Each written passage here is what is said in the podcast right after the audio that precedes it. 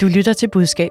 Pernille vil gerne være spidskandidat, øh, og det får landsrådet så lov til at afgøre. Må jeg bare lige så stille minde om, at det er én vælgerforening i Danmark, og ni, eller er det otte, vi er nede på nu, øh, byrådsmedlemmer, der, øh, der støtter hende. Hvis Søren Pape og den konservative partiledelse troede, de havde lukket sagen om Europaparlamentsmedlemmet Pernille Weiss, må de tro om igen. Hun har ingenlunde tænkt sig at makke ret og opgive posten i Bruxelles, og heller ikke tænkt sig at tige stille om, hvad der sker i partiet. De konservative er skrevet til tasterne og til mikrofonerne, men kom de også til at gå så meget til makronerne, at de har forstørret deres egen møgssag. Er kommentarfeltet på Facebook det nye udstillingsvindue for beskidt vasketøj? Hvordan lukker de konservative sagen nu? Velkommen til Budskab, Fagbladjournalistens podcast om kommunikation, hvor vi i dag også skal vende et dilemma om X, det tidligere Twitter, og også tale om, hvad tidligere FH-formand Lisette Risgaard fik ud af at sige, det var min spindoktor, som gjorde det. Mit navn er Marie Nyhus. Jo, vi er klar til en ny sæson af Budskab, og jeg er som sædvanlig i usædvanligt godt selskab med to erfarne kommunikationsrådgivere. Det er dig, Karne Lykkebo, Group Managing Partner i Gilmeiden Kise. Velkommen. Tak. Og så har vi dig med, Eva Tolstrup Siler, kommunikationschef i Bane Danmark. Velkommen også til dig. Tak for det. Og vi starter med en kort, helst nødigst runde. Karne, hvor vil du nødigst sidde som kommunikationsrådgiver i disse dage? Lige de her dage, hvor at Pride'en er rundt om hjørnet, så vil jeg rigtig nødig sidde ude hos øh, Christian Hansen. Og det er simpelthen fordi, at øh, de lavede jo den der med, at så trak de støtten til Pride, efter de var gået ud med fuld musik øh, sidste år, øh, og støttede, kan man sige, Pride-måneden. Og det var jo en dårlig sag, da den kørte, og nu får de en tur i Manesien igen. Altså det er, nu fik de, jeg tror det var årets laks i går, eller, eller de fik ikke, men de medarbejdere, der var gået imod dem, fik årets laks. Og telefonen kommer jo bare til at ringe herfra til evigheden. De kommer til at lave voxpop på Rådhuspladsen med øhm, både folk, der er ansat hos Christian Hansen, folk, der ikke er ansat hos Christian Hansen, igen og igen og igen. Og det værste i sådan en situation, det er, at den, der sidder og tager telefonen, har helt sikkert ikke truffet den beslutning, og der er en overvejende sandsynlighed for, at de er lodret uenige i den. Og sidde i den position, det tror jeg, der er mange kommunikationsfolk, der har gjort, det er bare træls. Den vil du nøde sidde med? Nej, det gad jeg godt nok ikke. Eva, hvad står med dig? Hvor vil du helst være rådgiver i disse dage? Jamen, jeg kunne da sådan set rigtig godt tænke mig at øh, sidde ved siden af Martin Lidegaard eller Pia Olsen Dyr og være med til at udfylde hele det der tomrum, som regeringen og klimaministeren har efterladt i, i forhold til klimapolitikken og hele optakten til de nye klimaforhandlinger.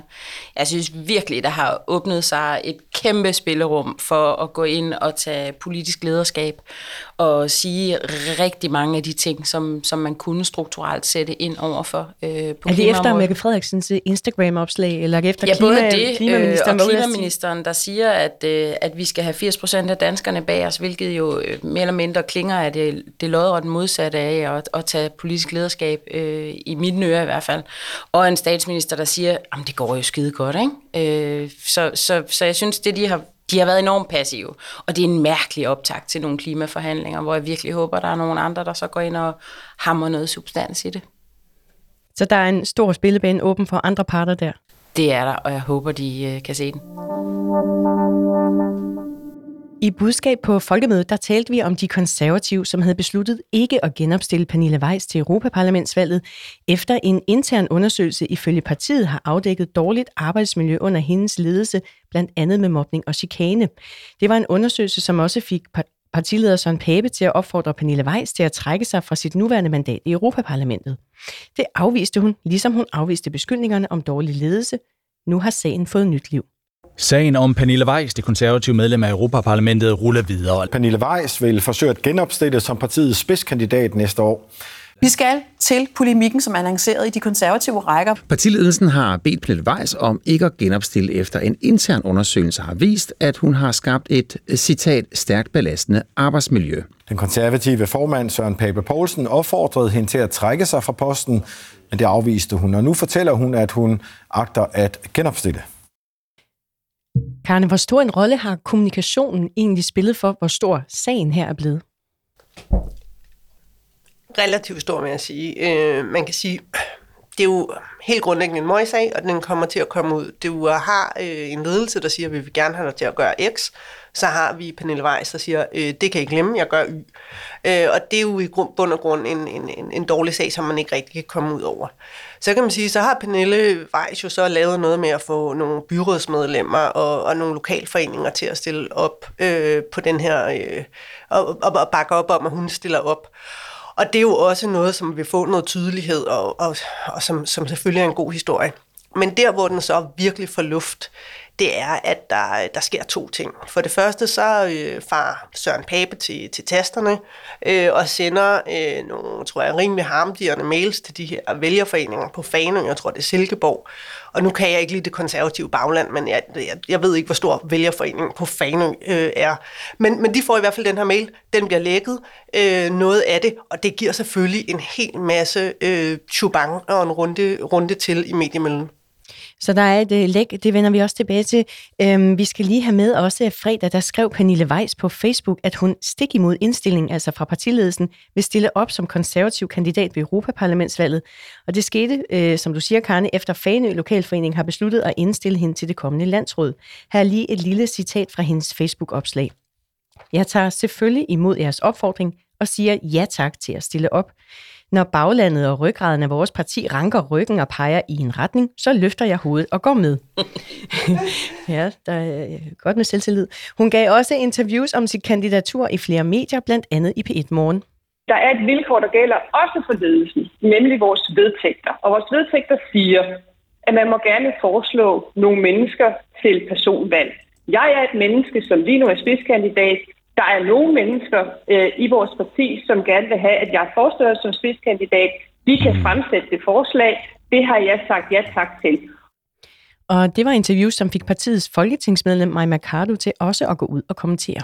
Både vores hovedbestyrelse, vores forretningsudvalg og også vores folketingsgruppe bakker jo op om den beslutning, at man simpelthen ikke kan fortsætte som spidskandidat, når det er, at man har medvirket til at være ansvarlig for, at ens medarbejdere er blevet syge. Eva, når nu situationen er, som Karne hun opriser, altså de har en politiker, der formår at, øh, mobilisere noget bagland, og som også er aktiv øh, både på sociale medier og i traditionelle medier. Hvad kan konservativ partiledelse så egentlig gøre for at undgå, at sagen eksploderer? De kan i hvert fald ikke gøre det, de gør, fordi de går ud og eskalerer konflikten og får det til at handle om, om øh, et kæmpe raballer mellem et politisk bagland og en partitop. Øh, og, og, og den går de ud og, og puster til. Øh, man kan sige, de prøver jo i hvert fald at indtage en position, som handler om, at, øh, at der er en enig partitop, der ikke altså, som ikke ønsker de her kandidaturer. Men det er de jo bare ikke i stand til, altså fordi i sidste ende er det jo et landsråd, der vælger, øh, så vidt jeg ligesom har forstået ja, øh, ja. den konservative partilogik. Øh, så, så man kan sige, Kommunikation har jo i hvert fald også spillet en stor rolle på den måde, at det virker som om den har været fraværende, den interne kommunikation i hvert fald. Fordi der er jo rigtig mange af de her ting, som man kunne have ønsket, at de var gået ind i et rum og havde diskuteret øh, i bund. Øh, og det virker det ikke, som om de har. Og så, så der, hvor den virkelig eskalerer, det er jo for at sige, at når de kommer ud med alle kanonerne, altså det er Pape, det er Mercado, vi kommer tilbage til Facebook, der er det alle øh, de andre stærke konservative damer, så viser de jo med al tydelighed, at det her er vigtigt, vi tager det her bravende seriøst, i stedet for at sige, ved du at vi hører altid på, hvad, hvad folk på Fanø mener, øh, og det, øh, det skal de være så hjerteligt velkommen til, men resten af partiet, vi har jo besluttet øh, noget Præcis. andet. Altså, de, de på en eller anden måde, der er jo den der klassiske at sige, at, at en sag får den størrelse, som reaktionen giver den. De taler øh, det op, ikke? De taler det rigtig op, fordi det eneste, der er det efterladte indtryk, det er, hold da op, der er nogen, der er meget bange her. Der er nogen, der tager det meget seriøst. Og det gør bare sagen, som i princippet er Pernille og nogle folk fra Fanø, øh, til noget, der lige pludselig er rigtig vigtigt. Men altså, som jeg ser det, så det konservative gør, det er, at de ikke selv proaktivt går ud og gør noget i forhold til Vejs, men når hun ligesom går ud og udtaler sig den ene eller den anden platform, så forsøger de at reagere på det. Hvad kan de ellers gøre for at undgå, at sagen eksploderer? Altså, i princippet vil jeg ikke synes, at de skulle have gjort noget, noget proaktivt, men de skulle have lavet det dø i fred. Altså, don't take the bait. Meget simpelt.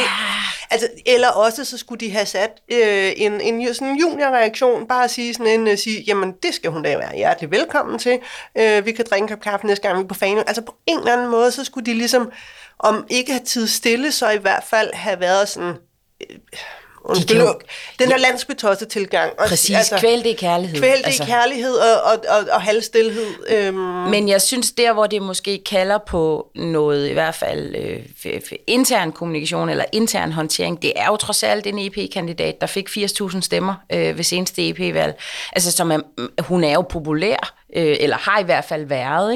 Ikke? Øh, og alene det, at man så som partitop i hvert fald bestemmer sig for på baggrund af hele den her sag, øh, at hun skal helst ikke genopstille. Det kunne man jo godt have tænkt, med 80.000 stemmer i ryggen, der lægger hun sig muligvis ikke fladt ned. Så lad os lige håndtere det på en eller anden men, vis. Men, men der skal vi bare lige være opmærksom på, at når det kommer til EP-valg, ja. så stemmer de fleste personligt, og min tese vil være, hvad Pernille Weiss som person trækker, og hvad den konservative spidskandidat trækker. Det er nok måske ikke et fedt, men, men, men, men så det tror jeg også er en kalkyle. Men generelt, alt det der med, så snart sådan konfliktsager begynder at handle om ting, vi diskuterer i pressen, i stedet for at der er nogen, der griber knoglen og siger, nå, vi har da et, et problem her. Øh, det er bare altid en, en, en, en tilgang, der kun giver problemer. Ja. Men lad os se på noget af det uh, chubang, som I synes, de, de laver. Altså, uh, fredag aften i løbet af godt og vel 20 minutter, så var der ikke færre end tre fremtrædende medlemmer af de konservatives folketingsgruppe, som kommenterede Pernille Weiss' Facebook-opslag. Altså, det var hun meddeler, at hun vil forsøge at genopstille som kandidat. Jeg har plukket lidt citater ud fra deres uh, kommentarer. Mona Jul skrev, Kære Pernille, jeg under dig alt det bedste. Men du ved lige så godt som jeg, at alt ikke er lagt frem. For din skyld, for at du kan komme videre, for at partiet kan komme videre. Du er i din gode ret, men ingen af os har brug for, at du stiller op, når ledelsen har truffet en anden beslutning. Maja Mercado, hun skrev, at folk blev syge af at arbejde for Pernille Weiss, og så skrev hun videre, at opleve din reaktion på de pågældende beretninger, så må jeg sige, jeg er rystet over din måde at tage så voldsom en kritik ned på. Når alt praller fuldkommen af, og du har nul refleksion, så siger det mig, at det er den helt rigtige beslutning, at du ikke genopstilles. Og Mette Abelgaard, hun var også i kommentarfeltet og skrev blandt andet, det er heldigvis meget, meget få medlemmer af partiet, som bakker op om dit kandidatur, og det vil landsrådet også vise, og sluttede med. Mit samarbejde med dig de seneste år har ikke givet mig grund til at tvivle på dine medarbejdere, tværtimod. Altså, jeg kan ikke huske, at jeg har set politikers Facebook-kommentarer brugt på den her måde, som sådan en slags øh, udvidet gruppeværelse, eller hvad skal jeg kalde det, øh, før. Øh, Eva, hvad tænker du om kommentarerne? Jamen, Jamen, jeg, altså, jeg blev helt grebet af det der kommentarfelt, er jeg nødt til at indrømme. Hvorfor? Altså, fordi det var jo øh, det, det var stærkt underholdende på den der øh, trafikuheld i slow motion måde, hvor øh, man kan næsten ikke holde det ud, men man kan heller ikke kigge væk. Øh, så det er jeg jo nødt til at indrømme til at starte med. Men derudover, så synes jeg jo, det virker øh, koordineret. Jeg synes, det virker som om pigebanden er sendt i skolegården med næverne frem. Øh, og jeg synes, i forhold til, hvad Karne lige sagde før, så synes jeg jo, det her det bekræfter det. Altså, der er et eller andet med form og indhold, der ikke hænger sammen. Øh, fordi særligt den, den sidste kommentar, du læser op fra Mona Jul, tror jeg det er, øh, hvor hun jo med prøver... Ja, ja, hvor hun jo prøver at sige det der med, at det vil landsrådet også vise. Så vildt over i det. Altså, hvad skal I overhovedet i det der kommentarspor, udover at bære brænde til bålet? Jeg forstår det ikke. Karne, du har sagt, at du synes, det virker mærkeligt, at de går ind på den måde kommentarsporet. Hvordan det? Ja, jeg, jeg, synes, det, øh, jeg synes, det virker mærkeligt. Jeg har ikke set det før. Og så er det jo også, kan man sige, enormt emotionelt. Altså, det er jo, øh, og, og det er selvfølgelig også tonen på, på, på Facebook, hvis du, hvad vil jeg, en øh, gruppe for, for katteelskere eller gravide eller så videre. Men det er den tone, de lægger op sådan noget. Mor er bare rigtig skuffet. Altså rigtig skuffet, og du er et dårligt menneske, Pernille. Du er et dårligt, dårligt, dårligt menneske. Og det er bare mærkeligt, i, øh, kan man sige, når det handler om ledelse og politik, øh, så kan man sige alt muligt andet. Så A, det er virkelig mærkeligt, at de går ind og kommenterer det, øh, og B, det er også mærkeligt, at det er sådan nogle personangreb, øh, og så, øh, og, og, og for mange modtagere, så tror jeg faktisk, det gør, at, øh, at man får en lille smule mere sympati for Pernille Weiss, som jeg egentlig ikke synes står særlig sympatisk. Øh, så, så, så hvis de havde tænkt, øh, at det vil lykkes at, at, at knalde hende ned øh, i forhold til sympati. Så den der omgang øh, skolegårdsmobning, det, det har altså den modsatte effekt. det kommer jo til at cementere på en eller anden måde, at hun er, hun er det den der enkeltperson, altså det lille menneske, der, der kæmper mod noget, noget større og, og mere strukturelt. Ikke? Og det har vi jo altså bare en forkærlighed for i det yes. her land. Hvis vi skal se på det sådan rent i forhold til kommunikationshåndtering, hvilken forskel gør de her Facebook-kommentarer så? Det gør, at øh, vi interesserer os for Pernille Weissers øh, Facebook-opslag, hvad vi ellers... Altså, overhovedet ingen ville have reageret på, at hun siger, at jeg er virkelig glad for Fanø. Altså, så er det lige pludselig, at det er jo noget, vi sidder og diskuterer. Det er blevet kommenteret alle mulige øh, øh, steder. Øhm, så, så, så det gør bare, at der kommer mere synlighed. Mm. Og jeg skal lige nævne, at ingen af de tre øh, politikere har ønsket at kommentere deres Facebook-kommentar her i øh, budskab. Og så skal vi have med, at der jo også er foregået en del intern kommunikation i sagen, som vi ikke kender til, men noget af det gør vi. Fordi som du nævnte før, Karni, der er en mail fra partileder Søren Pape, som er blevet lægget til pressen. Den sendte han efter Fanø Lokalforening sammen med Silkeborg meddelte, at de ville genopstille Pernille Weiss. Sidenhen trak Silkeborg så i land, men Fanø stod fast. Den mail er altså blevet lægget til pressen. Ifølge flere medier, så kaldte Søren Pape det for uhørt og voldsomt ufint, at vælgerforeningerne var gået til pressen med nyheden om at indstille Vejs, uden at orientere konservativ på Christiansborg. Og så skrev Pape, dette parti har altid været sin egen værste fjende, da intern ævl og kævl altid er udstillet i medierne. Men det må så være det, I ønsker. Jeg er dybt chokeret over jeres opførsel. Eva, hvad tænker du over øh, om, jeg øh, tænker, om far, her? far han er virkelig skuffet, øh, og jeg tænker, der kan næsten ikke blive skruet mere op for skyld og skam, øh, og for hvordan han ligesom øh, forsøger at situere sig selv som moralens vogter. Øh, jeg synes, det er, øh, jeg synes, det er en vild mail. Øh, jeg synes, det er, er vildt, at det er, øh, det er voksne mennesker, der taler til voksne mennesker. Øh, Ja, ja, og jeg forstår, altså jeg synes, det er tordnende naivt, at han tror, at, at den her mail bare kan løbe internt, altså at den ikke vil blive lækket. Karen, hvad tænker du om det, at den er blevet lækket? Jamen, jeg tænker, at hvis du vil skælde nogen ud, fordi de går for meget i pressen, så kunne det være, at du ikke skulle skrive en, øh, en mail for, som de så kunne komme i pressen øh, med. Øh, generelt har vi jo heldigvis ikke i Danmark sådan en lækkultur, og det skal vi være glade for.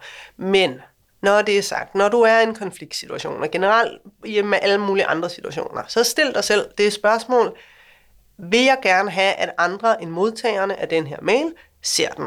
Og hvis svaret er nej, så step away from the computer. Det er øh, det bedste råd øh, ofte, når, når, bro, når, når blodet ligesom bruser.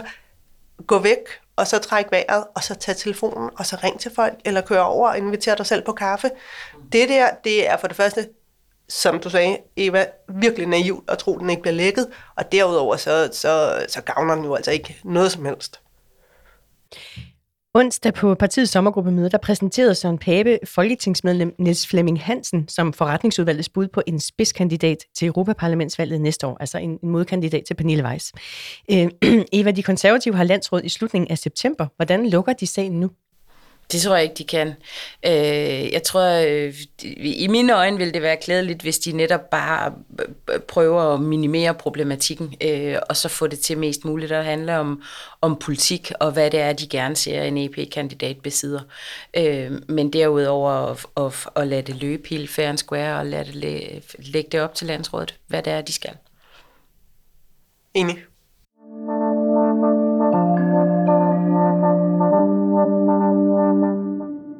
Du lytter til Budskab, Fagblad Journalistens podcast om kommunikation. Vi er tilbage fra sommerferie, en sommer, hvor det tidligere Twitter har skiftet navn til X. Og en af vores lyttere har skrevet til os med et dilemma om X. Hun skriver, Jeg er menig kommunikationsrådgiver i en interesseorganisation. Såvel organisationen som organisationsformand er på X, eller Twitter. Jeg har den seneste tid fuldt nyhedsdækning af X med interesse – for hvordan bør vi som interesseorganisation forholde os til de sociale medier, nu hvor rigmanden Elon Musk har overtaget styringen og til sydenlandet vil omdanne det til en blandet landhandel-app? Og med blandet landhandel-app, der tænker jeg, hun mener det her med at omdanne X til sådan en øh, super-app, der med blandt andet også skal være en global øh, markedsplads. Eva, vi kan jo starte med jer i Bane Danmark, fordi du har fortalt mig, at I skal revidere hele jeres kanalstrategi her i efteråret. Hvad kommer det til at betyde for jeres aktivitet på X?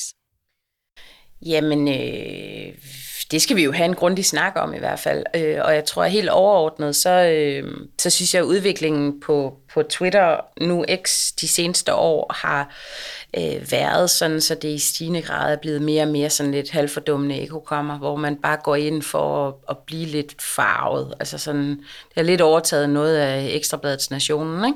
Ikke? Øh, så, så jeg synes, den der forholden sig kritisk, den har været under opsejling.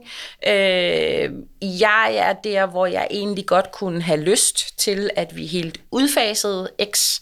Øh, I forvejen så er det meget begrænset. Øh, vores brug af det, det handler tit om beredskabsmeddelelser eller sådan nogle akutte meddelelser, hvor vi har brug for at komme meget, meget hurtigt ud, og gerne til journalister og medier.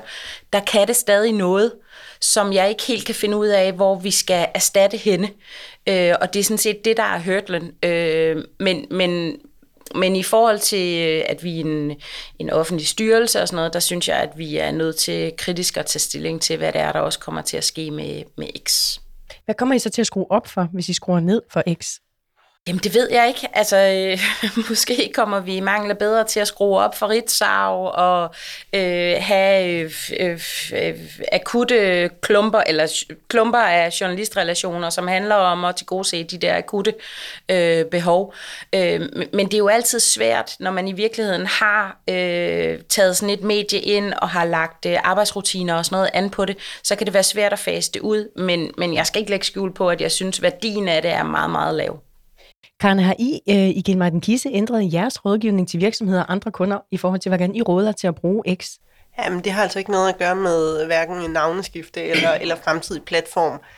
Øh, jeg har personligt altid haft sådan lidt halvkritisk øh, forhold til, til, til, til, til, til Twitter X. Øh, det har en enorm lav penetration øh, blandt, øh, blandt danskere, så du kommer ikke særlig bredt ud. Så da det startede, så var folk sådan, uh, du kan tale direkte med politikere og medier, og det er også... Men men det kræver bare en enorm tilstedeværelse, nemlig som Eva siger, de sidste par år, så er det altså gået fra, at man måske kunne, kunne nuancere en samtale til, at folk bare står og, og råber af hinanden.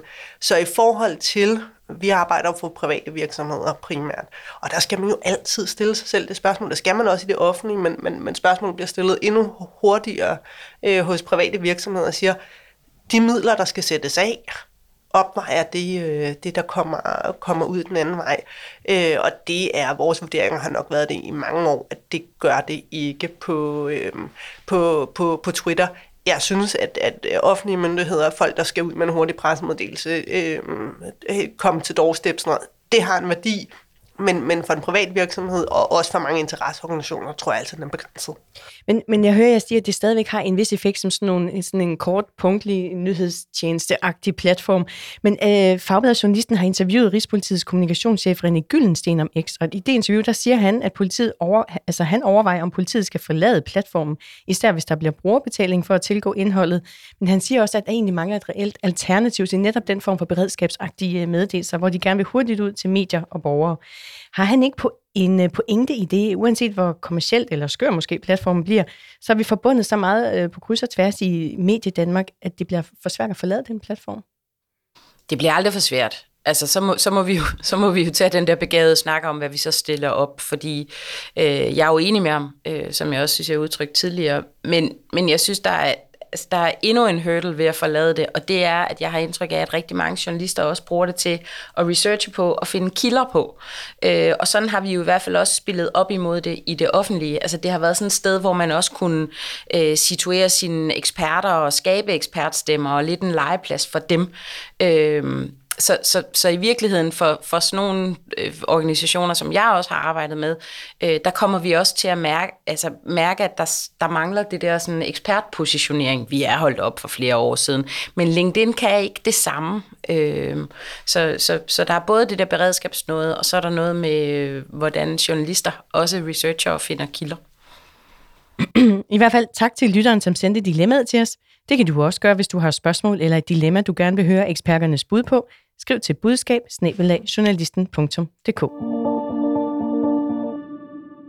Midt i sommerroen og sommerregnen tonede den tidligere FH-formand Lisette Risgaard pludselig frem i et langt og opsigtsvækkende interview i Finans.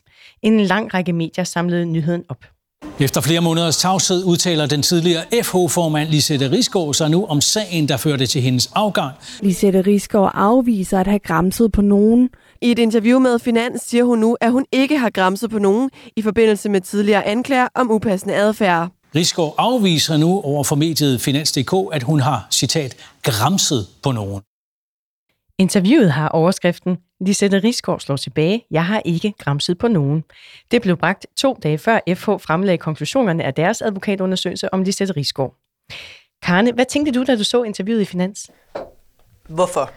Altså, det var det helt grundlæggende... Øh, Som med store bogstaver? Store bogstaver, og jeg tænkte lige siden, og jeg ikke kommet til noget, noget godt svar. Jeg har nogle teorier frem og tilbage, men, øhm, og, og alle, jeg har talt med om det, det, det, det primære spørgsmål, der, der starter, det er, hvorfor? Hvad vil du opnå øh, med det? Eva, hvad tænkte du? Jeg tænkte, hold op, hvor får hun meget plads. Øhm, og så tror jeg også, at jeg tænkte sådan lidt i, lidt i forlængelse af, hvorfor, så tænkte jeg, hun har godt nok behov for øh, sådan personlig øh, genrejsning. Jeg er ikke sikker på, hun får det. Det var den fornemmelse, du fik? Ja. Mm. I interviewet fortæller Lisette Rigsgaard om sin oplevelse af de hektiske døgn, hvor Ekstrabladet og Berlinske bragte artikler med beskyldninger om upassende berøringer fra hendes side. Et forløb, der førte til, at hun trak sig fra formandsposten i FH. Dengang, der er vi altså tilbage i april, skrev Lisette Rigsgaard undskyld og lagde sig fladt ned i et længere opslag på Facebook. En del af det opslag ligger hun selv afstand til nu. I opslaget skrev hun blandt andet. Men jeg må erkende, at jeg har udvist en upassende adfærd. Jeg har handlet uprofessionelt som leder, og jeg har slet ikke været bevidst om min egen position og den magt, som naturligt følger med. I interviewet til Finans, der siger hun, jeg har ikke græmset på nogen, og der har aldrig været seksuelle intentioner fra min side, og jeg har fuldt ud været bevidst om min egen position og den magt, som naturligt følger med, men jeg har ikke lavet magten forandre mig. Og jeg skal lige nævne, at nogle af de oprindelige kilder, som øh, siger, de oplevede krænkelser fra Lisette Rigsgaard, efterfølgende har været ude i medier og fastholde, hvad de har sagt og oplevet. Men altså, Eva, som jeg læser artiklen, så forsøger Lisette Rigsgaard at justere udlægningen af, at hun har opført sig upassende. Virker det?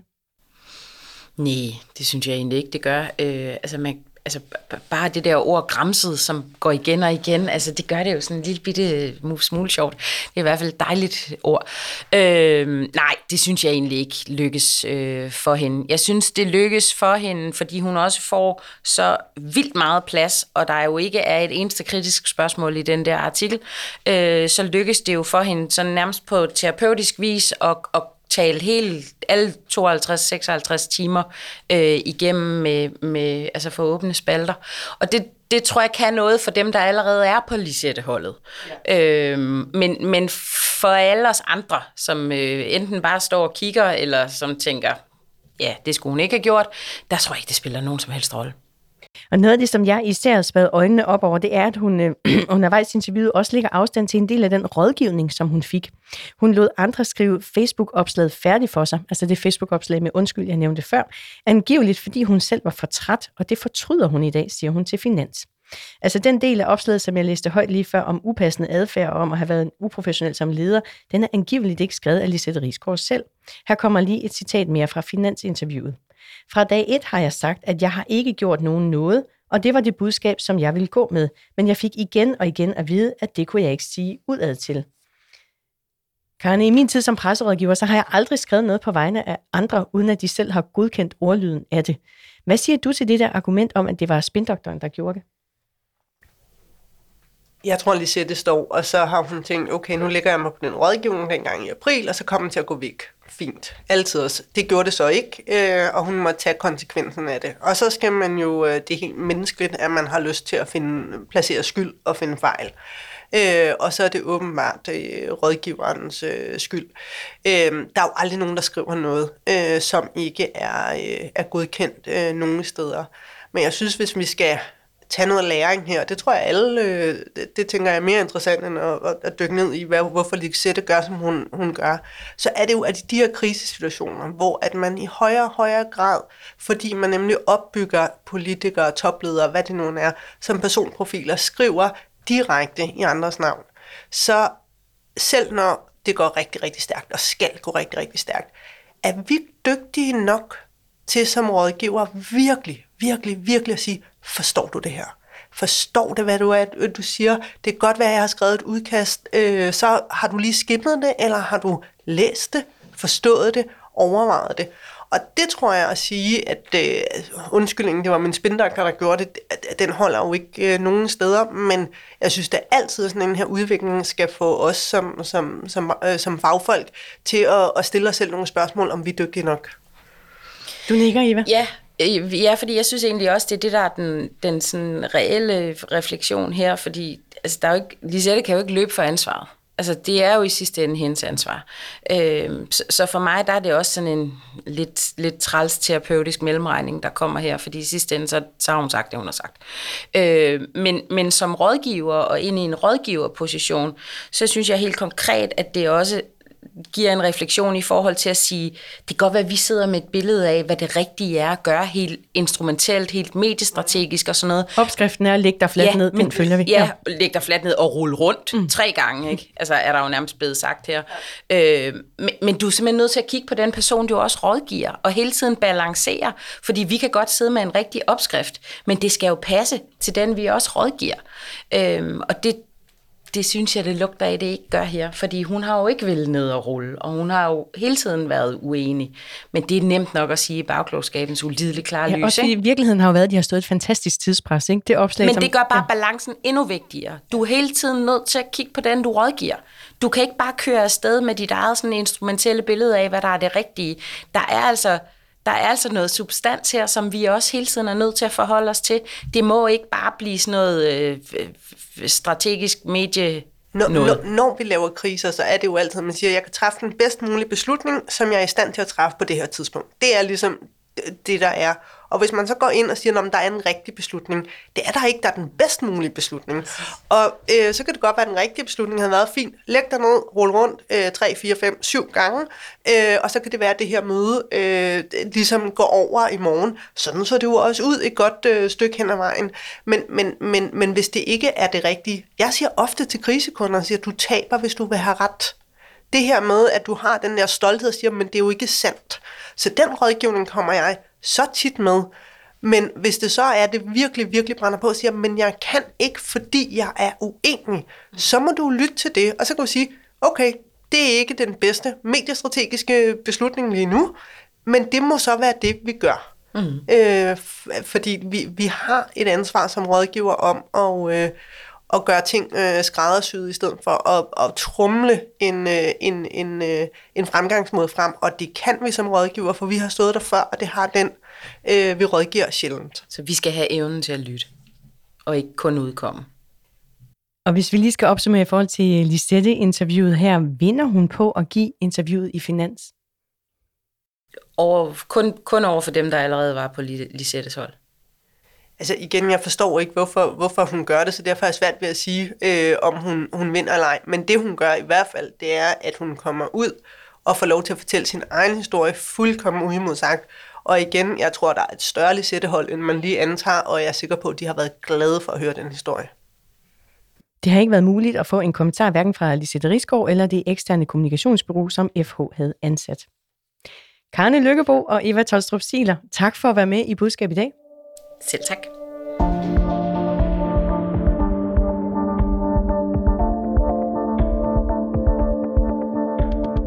Du lyttede til Budskab, Fagblad Journalistens podcast om kommunikation. Mit navn er Marie Nyhus, og jeg er redaktør og vært på Budskab. Rakkerpark Productions står for lyd og teknik. Du hørte et klip fra P1, TV2, TV2 News, DR, Radio 4 og 24 /7. Husk, du altid kan skrive til os, hvis du har input eller idéer. Skriv til budskab Hvis du kan lide at lytte til budskab, så giv os meget gerne en anbefaling. Tak fordi du lyttede med.